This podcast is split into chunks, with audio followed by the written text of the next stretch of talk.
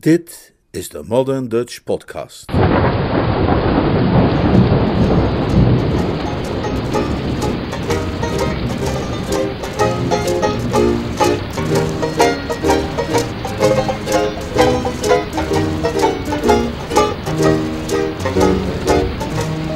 Noodweer op kasteel Blauwdings. Een roman van P.G. Woodhouse, Summer Lightning, vertaald en voorgelezen door Leonard Beuk. Hoofdstuk 7, deel 2 In zijn studeerkamer op Matchingham Hall in het nabijgelegen dorpje Much Matchingham staarde Sir Gregory Parslow Parslow naar het jongste nummer van een zeker weekblad. Wij hebben dat weekblad al eens eerder gezien. Bij die gelegenheid zagen wij het in de stevige handen van Butler Beach. En vreemd genoeg was de bijdrage die de aandacht had getrokken van Sir Gregory precies dezelfde als die waarin de butler zo geïnteresseerd was geweest. Jonkheer Galahad Threepwood, broer van de graaf van Emsworth. Er wordt ons ingefluisterd dat Gally op Blandings Castle verblijft, het voorouderlijk slot in Shropshire, waar hij ijverig werkt aan het op schrift stellen van zijn memoires. Zoals elk lid van de oude garde zal weten te bevestigen, zullen die memoires waarschijnlijk net zo pittig, broeierig en brandgevaarlijk worden als het huidige weer, wellicht zelfs nog iets verzengender. Maar terwijl Beach bij het lezen van die tekst een snorkend lachje had laten horen, had Sir Gregory Parslow Parslow gehuiverd, als iemand die tijdens een wandeling door bos en veld plotseling een slang op zijn weg vindt. Sir Gregory Parslow Parslow van Matchingham Hall, de zevende drager van de titel uit zijn geslacht, was een van die mannen die hun leven op een goede manier beginnen, vervolgens een tijdje het spoor kwijtraken, maar tenslotte terugglibberen op de rechte en smalle weg en die dan keurig blijven volgen. Dat wil zeggen, tot zijn 21ste was hij een keurige jongen geweest, en vanaf zijn 31ste, toen hij de titel had geërfd, had hij een vrijwel smetteloos bestaan geleid. Zozeer zelfs dat hij nu op zijn 52ste op de nominatie stond om door het bestuur van zijn partij te worden gekozen als zijn kandidaat bij de tussentijdse parlementsverkiezingen in het district Bridgeford en Shively in het graafschap Shropshire. Er was echter een decennium in zijn leven geweest, dat gevaarlijke tijdperk tussen het 20ste en 30ste levensjaar, waarin hij een dusdanig substantieel duister verleden had weten op te bouwen, dat een mindere man daar een aanzienlijk langere periode voor nodig zou hebben gehad. Het was een tijdperk geweest in zijn leven waarop hij niet gaarne terugkeek, en jaren van onberispelijke adeldom hadden hem in staat gesteld, voor zover het hem persoonlijk betrof, dat verleden te begraven. Maar nu stond die verderfelijke kameraad uit zijn jonge jaren kennelijk op het punt dat allemaal weer op te graven. De jaren hadden Sir Gregory veranderd in een man met een nogal corpulente gestalte, en zoals corpulente mannen doen in ogenblikken van spanning, blies en pufte hij. Maar hij kon blazen en puffen wat hij wilde. Hij kon die passage in dat weekblad niet wegblazen.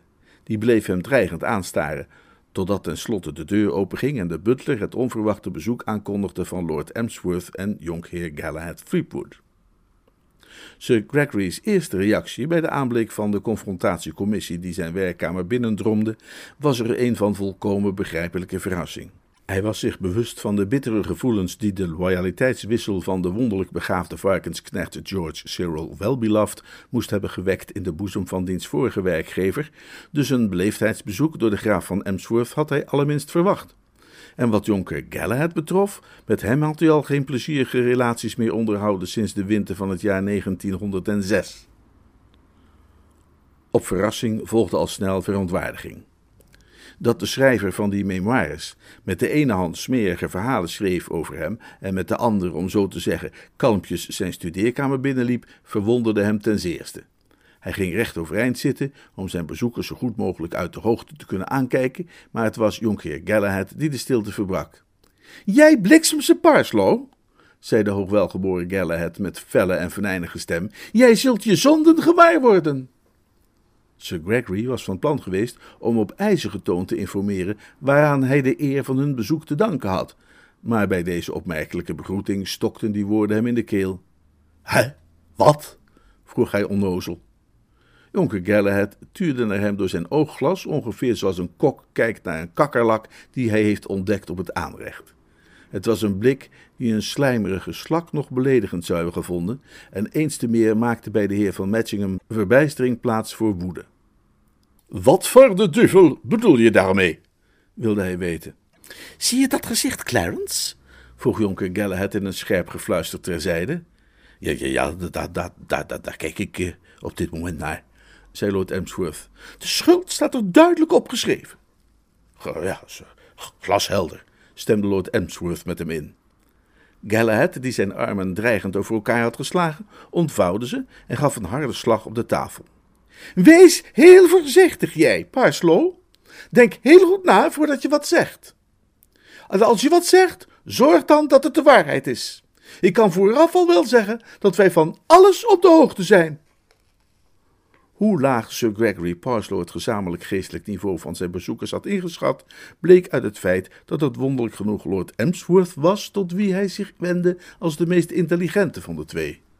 Ja, Emsworth, leg jij mij dit eens uit. Wat kom jij hier alle bliksems uitspoken? En waar heeft die halve gaar het voor de duvel over? Lord Emsworth had zijn broer met groeiende bewondering gadegeslagen. De geestdriftige wijze waarop die de aanklacht had geopend, kon zijn goedkeuring geheel en al wegdragen. Dat, dat, dat, dat weet jij best, zei hij kortaf. En of je dat weet, zei jonker Galahad. Parslow, kom op met dat varken. Sir Gregory wist zijn ogen nog juist op tijd terug te duwen op hun plaats, voordat ze onachterhaalbaar uit hun kas gerold zouden zijn. Hij deed zijn best om kalme, geruststellende gedachten te vormen. Hij had er terecht aan gedacht dat hij een man was die heel voorzichtig moest zijn met zijn bloeddruk. Varken? Varken? Zeg je varken? Varken? Nou, welk varken? Hij vroeg welk varken? Dat, dat, dat hoorde ik, ja, zei Lord Emsworth. Sir Gregory Parslow kreeg opnieuw last van zijn ogen. Ik heb geen flauw idee waar je het over hebt, zeg. Jonkheer Galahad ontvouwde opnieuw zijn armen en gaf een dreun op tafel, waardoor het deksel van de inktpot vloog. Parslow, jij banneling uit de hel met je schapenkop, riep hij uit. Overhandig ons onmiddellijk dat varken. Bij mijn, mijn, mijn keizerin, voegde Lord Emsworth eraan toe. Precies, de keizerin van Blamings. Het varken dat jij gisteravond gestolen hebt. Sir Gregory Parslow Parslow kwam langzaam overeind uit zijn stoel. De hoogwelgeboren Galahad stak een beschuldigende vinger naar hem uit, maar hij negeerde het gebaar. Zijn bloeddruk schommelde nu rond de 150. Onderdruk. Wil jij nu zeggen dat je mij er serieus van beschuldigt? Parslow, ga zitten. Sir Gregory stikte bijna in zijn woorden. Ik heb altijd geweten, Amsworth, dat jij zo gek was als een klapdeur. Als, als, als, als een wat? Als een klapdeur, legde jonker Gerleit uit. Zo'n deur die naar twee kanten open kan. Daarna wendde hij zich weer tot de verdachte. Schelden zal je niet helpen, Parslow. Wij weten dat jij dat varken hebt gestolen. Ja, maar ik heb helemaal geen achterlijk varken gestolen. Waarom zou ik een varken willen stelen? Jonker Galahad snoof. Ja, ja. En waarom zou jij mijn hond Towser iets hebben willen flikken in het zaaltje achter de bar van de Rennende Moor in de lente van 97? vroeg hij. Om de favoriet uit te schakelen, dat is waarom. En dat is precies wat je nu weer probeert te doen: de favoriet uitschakelen. Oh ja, we hebben je heus wat door, Parslow. Jij bent voor ons een open boek. Sir Gregory maakte zich inmiddels geen zorgen meer over zijn bloeddruk. Er waren geen kalme, geruststellende gedachten genoeg in de wereld om daar nu nog iets aan te kunnen verbeteren. Jullie zijn gek. Allebei. Hartstikke stapel krankjurm. Parslow, ga jij nu nog met dat varken op de proppen komen of niet? Ik heb dat waanzinnig varken voor jullie helemaal niet. En dat is alles wat je erover te zeggen hebt? Ik heb dat beest nog nooit gezien. Ja, maar, maar, maar, hoezo, hoezo dan een uh, klapdeur? Vroeg Lord Emsworth, die daar een tijdje in stilte over had staan peinzen. Goed dan, zei jonker Galahad. Als dat de houding is waarin jij volhardt, dan heb ik geen andere keus dan harde maatregelen te nemen. En ik zal je precies vertellen wat voor maatregelen dat zijn, jij bliksemse Parslow. Ik zie nu in dat ik veel te meegaand ben geweest. Ik ben zo dwaas geweest mijn goede hart te zeer te laten spreken. Maar al te vaak, terwijl ik daar zo achter mijn bureau zat, herinnerde ik mij een geweldig verhaal dat er werkelijk op schreeuwde in mijn memoires te worden opgenomen. Maar elke keer heb ik tegen mezelf gezegd: nee, dat zou onze Parslow te zeer kwetsen. Het is een geweldig verhaal, maar ik kan het niet gebruiken. Ik moet de gevoelens van die bliksemse Parslow sparen. Maar vanaf nu zal ik daar geen geduld meer mee hebben. Tenzij jij dat varken teruggeeft, ga ik alle twijfelachtige en scandaleuze verhalen die ik mij over jou herinner in mijn boek opnemen. Om te beginnen dat van onze eerste ontmoeting, toen ik Romano's kwam binnengelopen en jij mij werd aangewezen terwijl je rond de eettafel marcheerde met een soepterrine op je hoofd en een selderijstengel in je hand en beweerde dat je soldaat was die de wacht hield bij Buckingham Palace. De wereld zal eindelijk weten wie jij werkelijk bent. De enige man die ooit uit het Café de l'Europe is gegooid omdat hij de prijs voor een fles champagne bij elkaar probeerde te krijgen door zijn broek te verloten aan de bar. En wat erger is, ik ga mijn lezers het complete verhaal vertellen van de garnalen. Sir Gregory slaakte een felle kreet. Zijn gezicht had een diep karmozijnrode kleur aangenomen.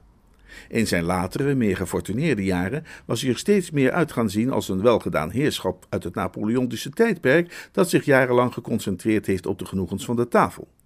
Op dit moment leek hij vooral op een welgedaan heerschap uit het Napoleontische tijdperk, dat niet alleen te kampen heeft met een dreigende beroerte, maar ook zojuist door een horzel vol in de kuit is gestoken. Dat is wat ik ga doen, zei jonker Galahad vastberaden. Het volledige, ware en ongecensureerde verhaal van de garnalen, tot in het kleinste detail. Hoe, hoe, hoe, hoe uh, ging dat verhaal van die uh, garnalen ook weer, beste kerel? Vroeg Lord Emsworth geïnteresseerd. Ja, dat doet er nu even niet toe. Maar ik weet hoe het ging en Parslow hier weet hoe het ging. En als de keizerin van Blandings niet nog deze middag terug is in haar hok, kun je het straks nalezen in mijn boek. Maar ik, ik heb je toch al twintig keer gezegd, krijste de getroffen edelman, dat ik absoluut niks afweet van dat werken van jullie. Ja, ja. Ik heb, ik heb dat beest niet meer gezien sinds de grote landbouwtentoonstelling van vorig jaar. Nee, nee. Wist niet eens dat het verdwenen was totdat jullie me dat vertelden. De hoogwelgeboren Galahad staarde hem scherp aan door zijn zwart omrande monocle. Daarna draaide hij zich om met een gebaar van walging en liep naar de deur. Kom mee, Clarence, zei hij. Ge, gaan we weer? Ja, zei de hoogwelgeboren Galahad met kalme waardigheid. Er valt hier voor ons niets meer te doen. Laten we vertrekken voordat dit huis wordt getroffen door de bliksem. Het keurige kantoorknechtje dat de receptie verzorgde bij het Argus Detective Bureau, las het kaartje dat de corpulente bezoeker hem had overhandigd en keek de corpulente bezoeker vervolgens met respect en bewondering aan. Als keurige knaap was hij bijzonder op de aristocratie gesteld. Hij klopte op de deur van de spreekkamer. Een heer van mijn? vroeg Percy Pilbeam. Een edelman voor u, meneer, corrigeerde het kantoorknechtje. Sir Gregory Parslow Parslow van Matchingham Hall. Laat hem onmiddellijk binnen, zei Pilbeam enthousiast.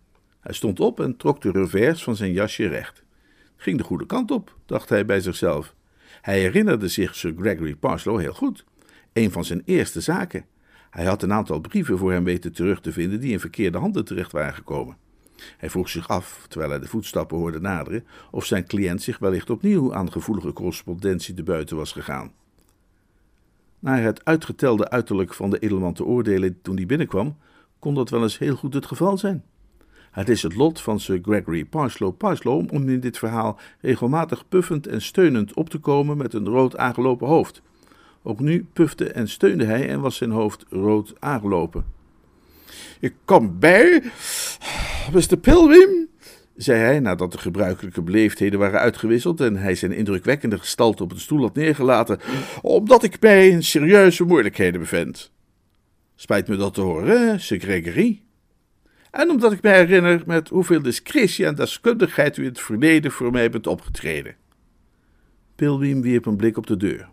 Die was gesloten. Hij was er inmiddels van overtuigd dat zijn bezoeker met hetzelfde probleempje zat opgeschreven als de vorige keer, en hij keek de kennelijk onvermoeibare man dan ook met onverholen verbazing aan. Hield dit soort bejaarde types dan nooit op, vroeg hij zich af, met het schrijven van compromitterende brieven. Je zou toch denken dat ze op een gegeven moment kramp in hun vingers zouden krijgen. Als ik u op de een of andere manier kan helpen, Sir Gregory. Maar eh, misschien wil u mij eerst even de feiten voorleggen vanaf het begin. Vanaf het begin? Sir Gregory dacht even na. Tja, laat ik het zo zeggen. Er is een tijd geweest, Mr. Pilbeam, dat ik jonger was dan vandaag de dag. Juist. En armer. Ongetwijfeld. En minder respectabel.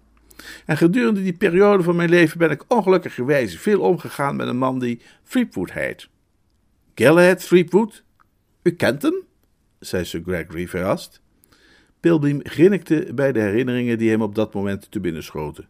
Nou, we kennen zijn naam. Ik heb ooit eens een artikel over hem geschreven toen ik de hoofdredacteur was van een tijdschrift genaamd uh, Society Spice. Aflevering 1 van de serie Onze Speelzieke Adel. het is het stuk dat ik ooit geschreven heb. Ze hebben me verteld dat jij twee keer op de stoep hebt gestaan met een rijzweep en naar me vroeg. Sir Gregory toonde zich bezorgd. U hebt hem dus wel eens ontmoet? Nee, dat niet.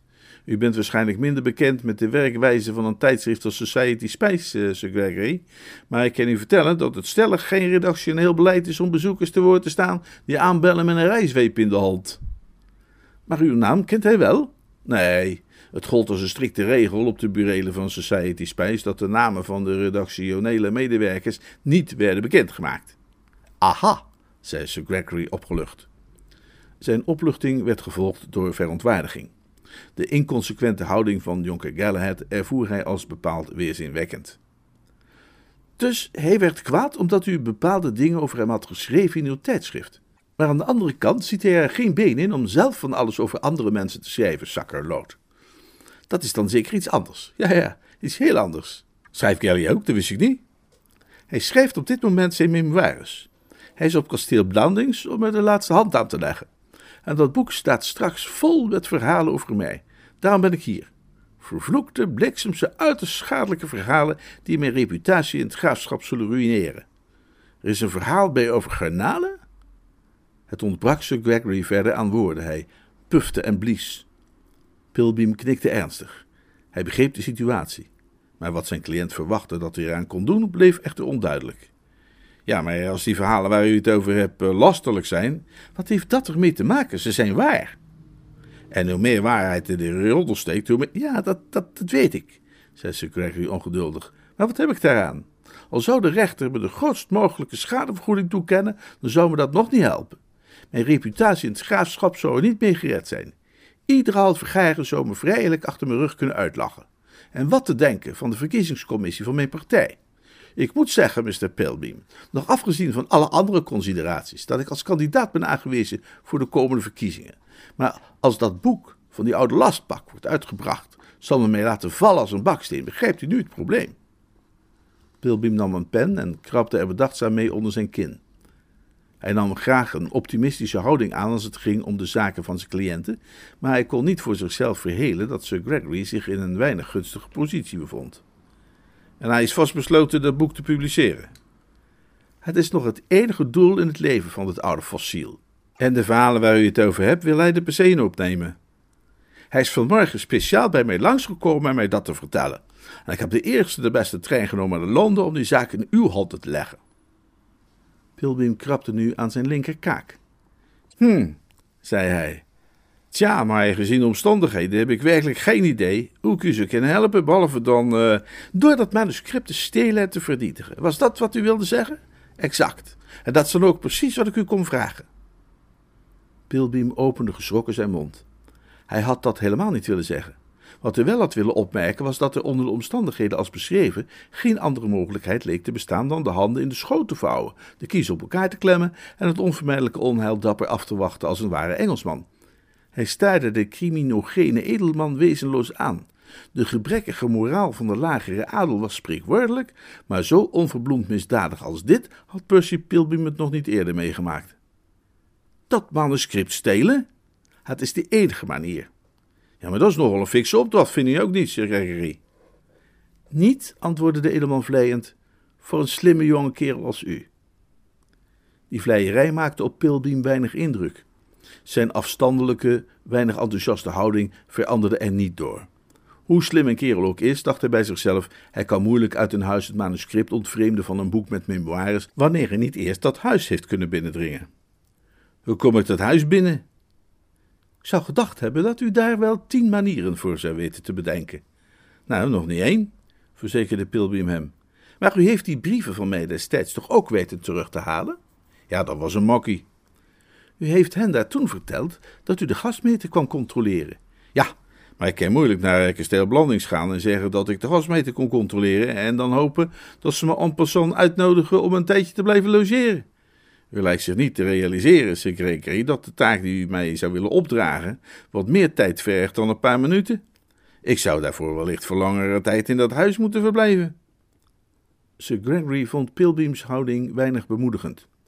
Hij was een man die er sinds hij zijn titel en de bijpassende weelde had verworven, aan gewend was geraakt mensen knipmessend aan het werk te zien gaan wanneer hij een opdracht had gegeven.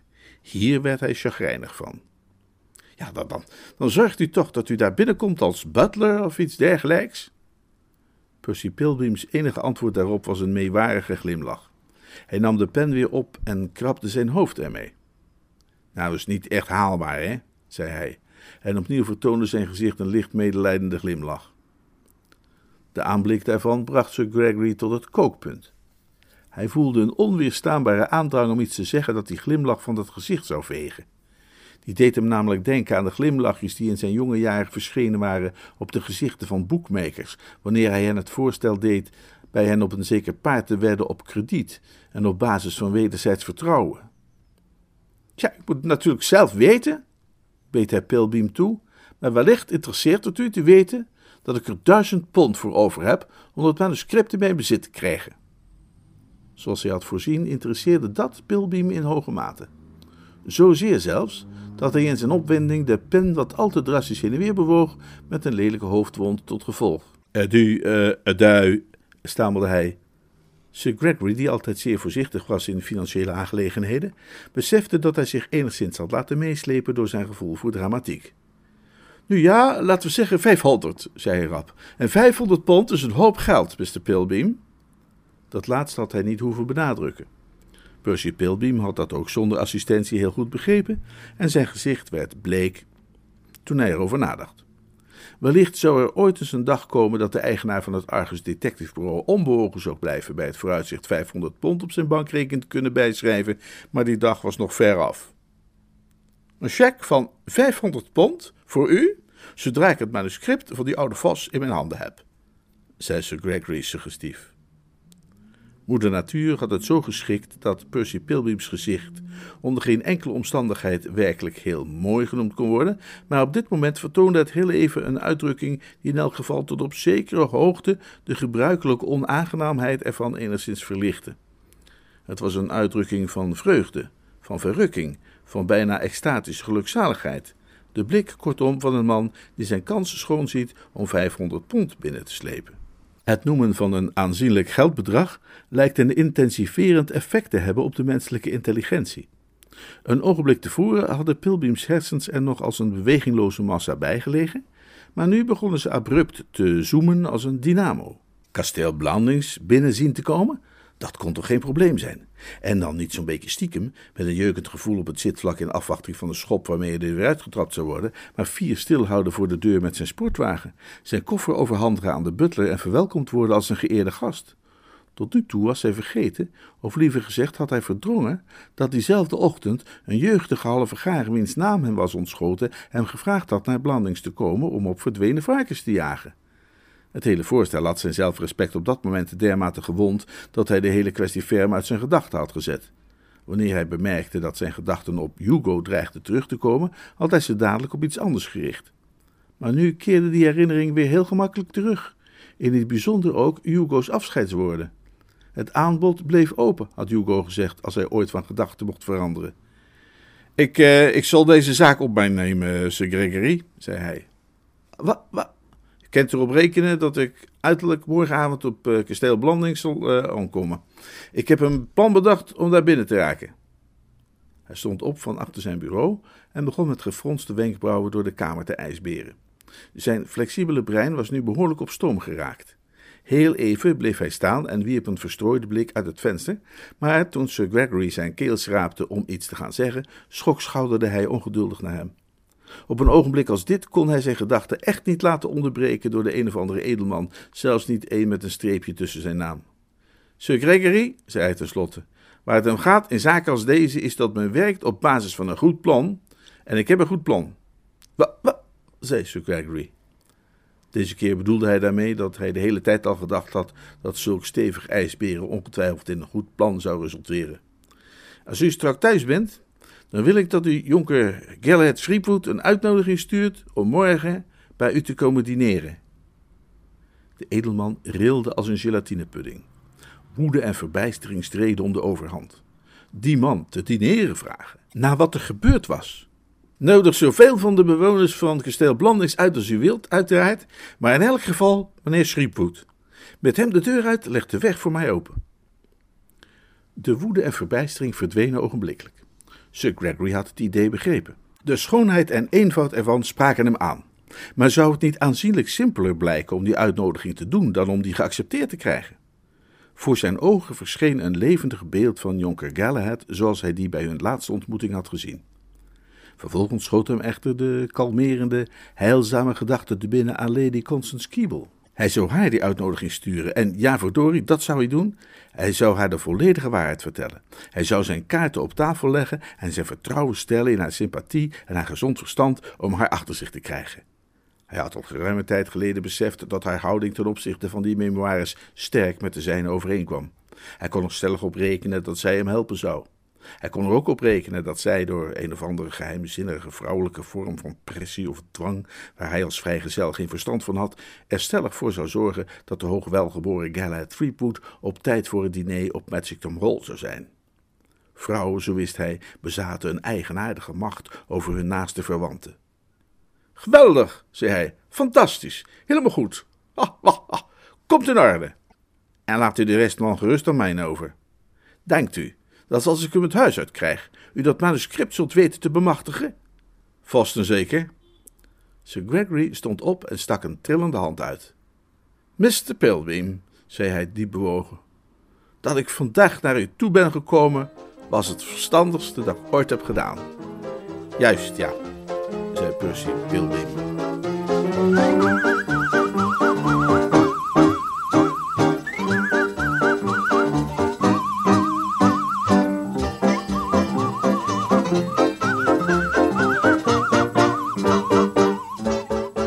Hoofdstuk 8 Onweerswolken boven Blandings.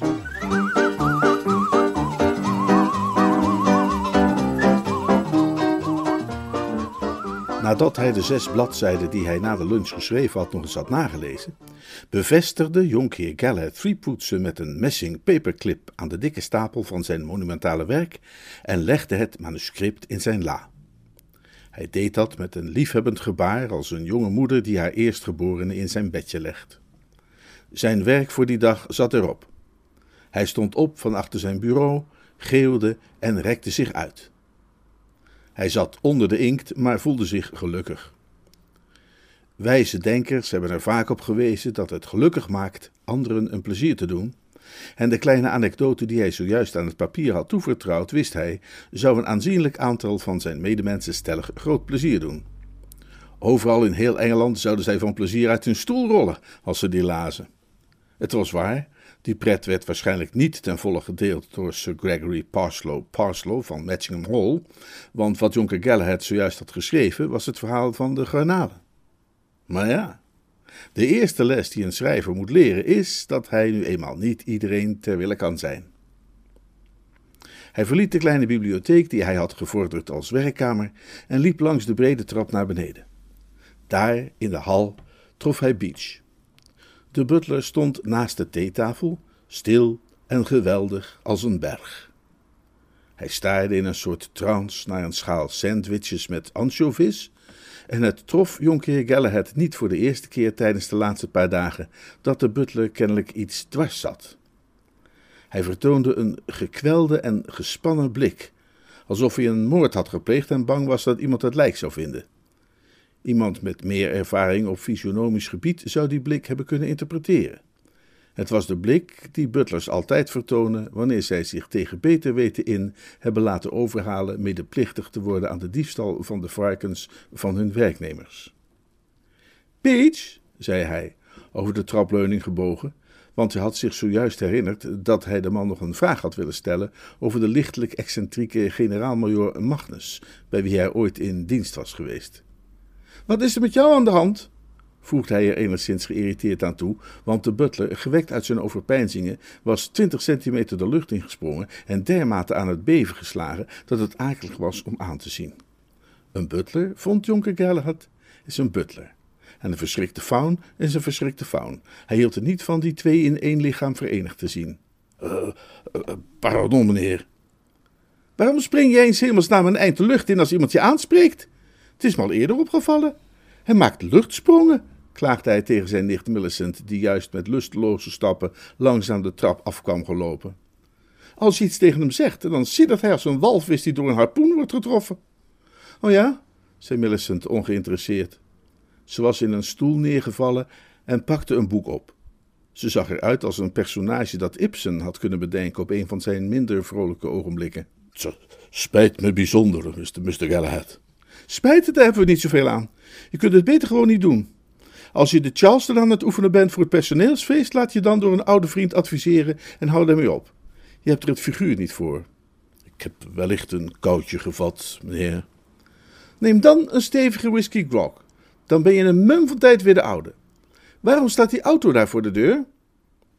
In opdracht van Lady Constance, meneer. Ik begreep dat zij met Mr. Baxter naar Market Blandings wilde gaan om iemand af te halen van de trein van 4 uur 40. En wie dan wel? Een Amerikaanse jonge dame, meneer. Een Miss Schoenmaker. Oh ja, natuurlijk. Nu herinner ik het me weer. Kwam die vandaag aan? Ja, meneer. Jonkheer Galahad peinsde. Schoenmaker. Ik heb ooit iemand gekend die Johnny Schoenmaker heette. Goed gekend zelfs, geweldige kerel. Mixte een geweldige mint julep. Heb jij ooit een mint julep geproefd, Beach? Niet voor zover ik mij kan herinneren, meneer.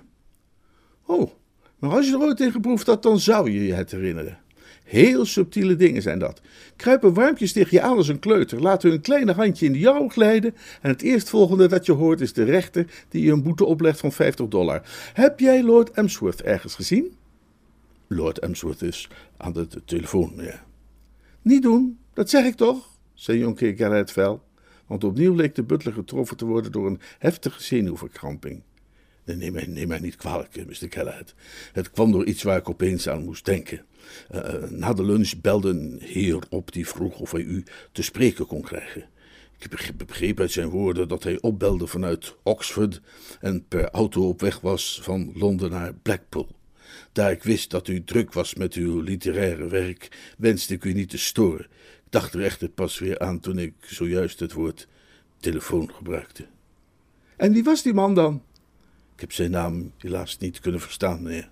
De lijn was heel slecht. Maar hij vroeg mij u te zeggen dat hij u wilde spreken over een aangelegenheid betreffende een dramaturgische presentatie. Een toneelstuk? Ja, meneer, zei Beach, kennelijk blij verrast door die gelukkige formulering. Ik heb de vrijheid genomen hem te adviseren het later op de middag nog eens te proberen.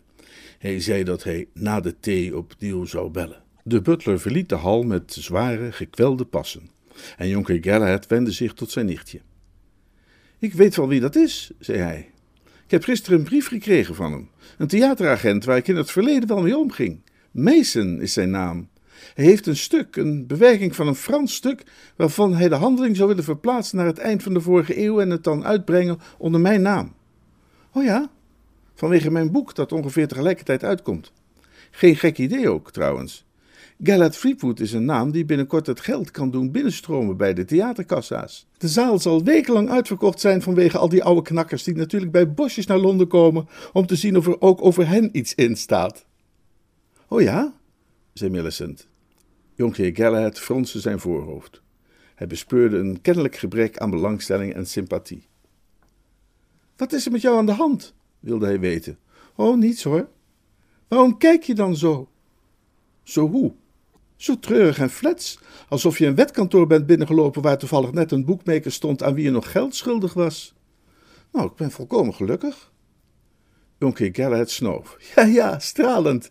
Ik heb wel eens een motregen gezien die er vrolijker uitzag. Wat voor boek zit je daar te lezen? Iets van Tante Constance. Millicent keek verveeld naar de titel op het omslag. Gaat over Theosofie, geloof ik. Theosofie! En dat voor een meisje in de bloei van haar jeugd. Wat is er in hemelsnaam aan de hand met iedereen in dit huis? Clarence heeft misschien dan nog een excuus. Althans, wanneer je het normaal vindt dat iemand die een beetje bij zijn verstand is, zo overdreven dol kan zijn op een stom varken, heeft hij tenminste nog reden om van streek te zijn. Maar wat is er mis met de hele rest van jullie? Ronald gedraagt zich als een tomaat in de rouw. Beach springt op en neer als je iets tegen hem zegt. En dat ventje van Carmody. Ik ben niet geïnteresseerd in meneer Carmody. Vanmorgen, zei jonker Galahad verongelijkt, droeg ik die jongen een van de grappigste limericks voor die ik ooit van mijn leven gehoord heb. Hij begon met er was een meisje in. Uh, nou, maar goed, nou, goed, dat doet er verder niet toe. Hij bleef er gewoon staan aanstaren met opengevallen mond, als een kreupel paard dat over een schutting kijkt. Er zijn mysterieuze zaken aan de hand hier in dit huis en daar hou ik helemaal niet van. De atmosfeer op kasteel Blandings is plotseling helemaal veranderd van een normaal, gelukkig Engels huishouden in iets dat Edgar Allan Poe zou kunnen hebben geschreven op een regenachtige zondagmiddag. Het werkt mij erg op de zenuwen. Laten we hopen dat die dochter van Johnny Shoemaker ons allemaal een beetje op kan vrolijken.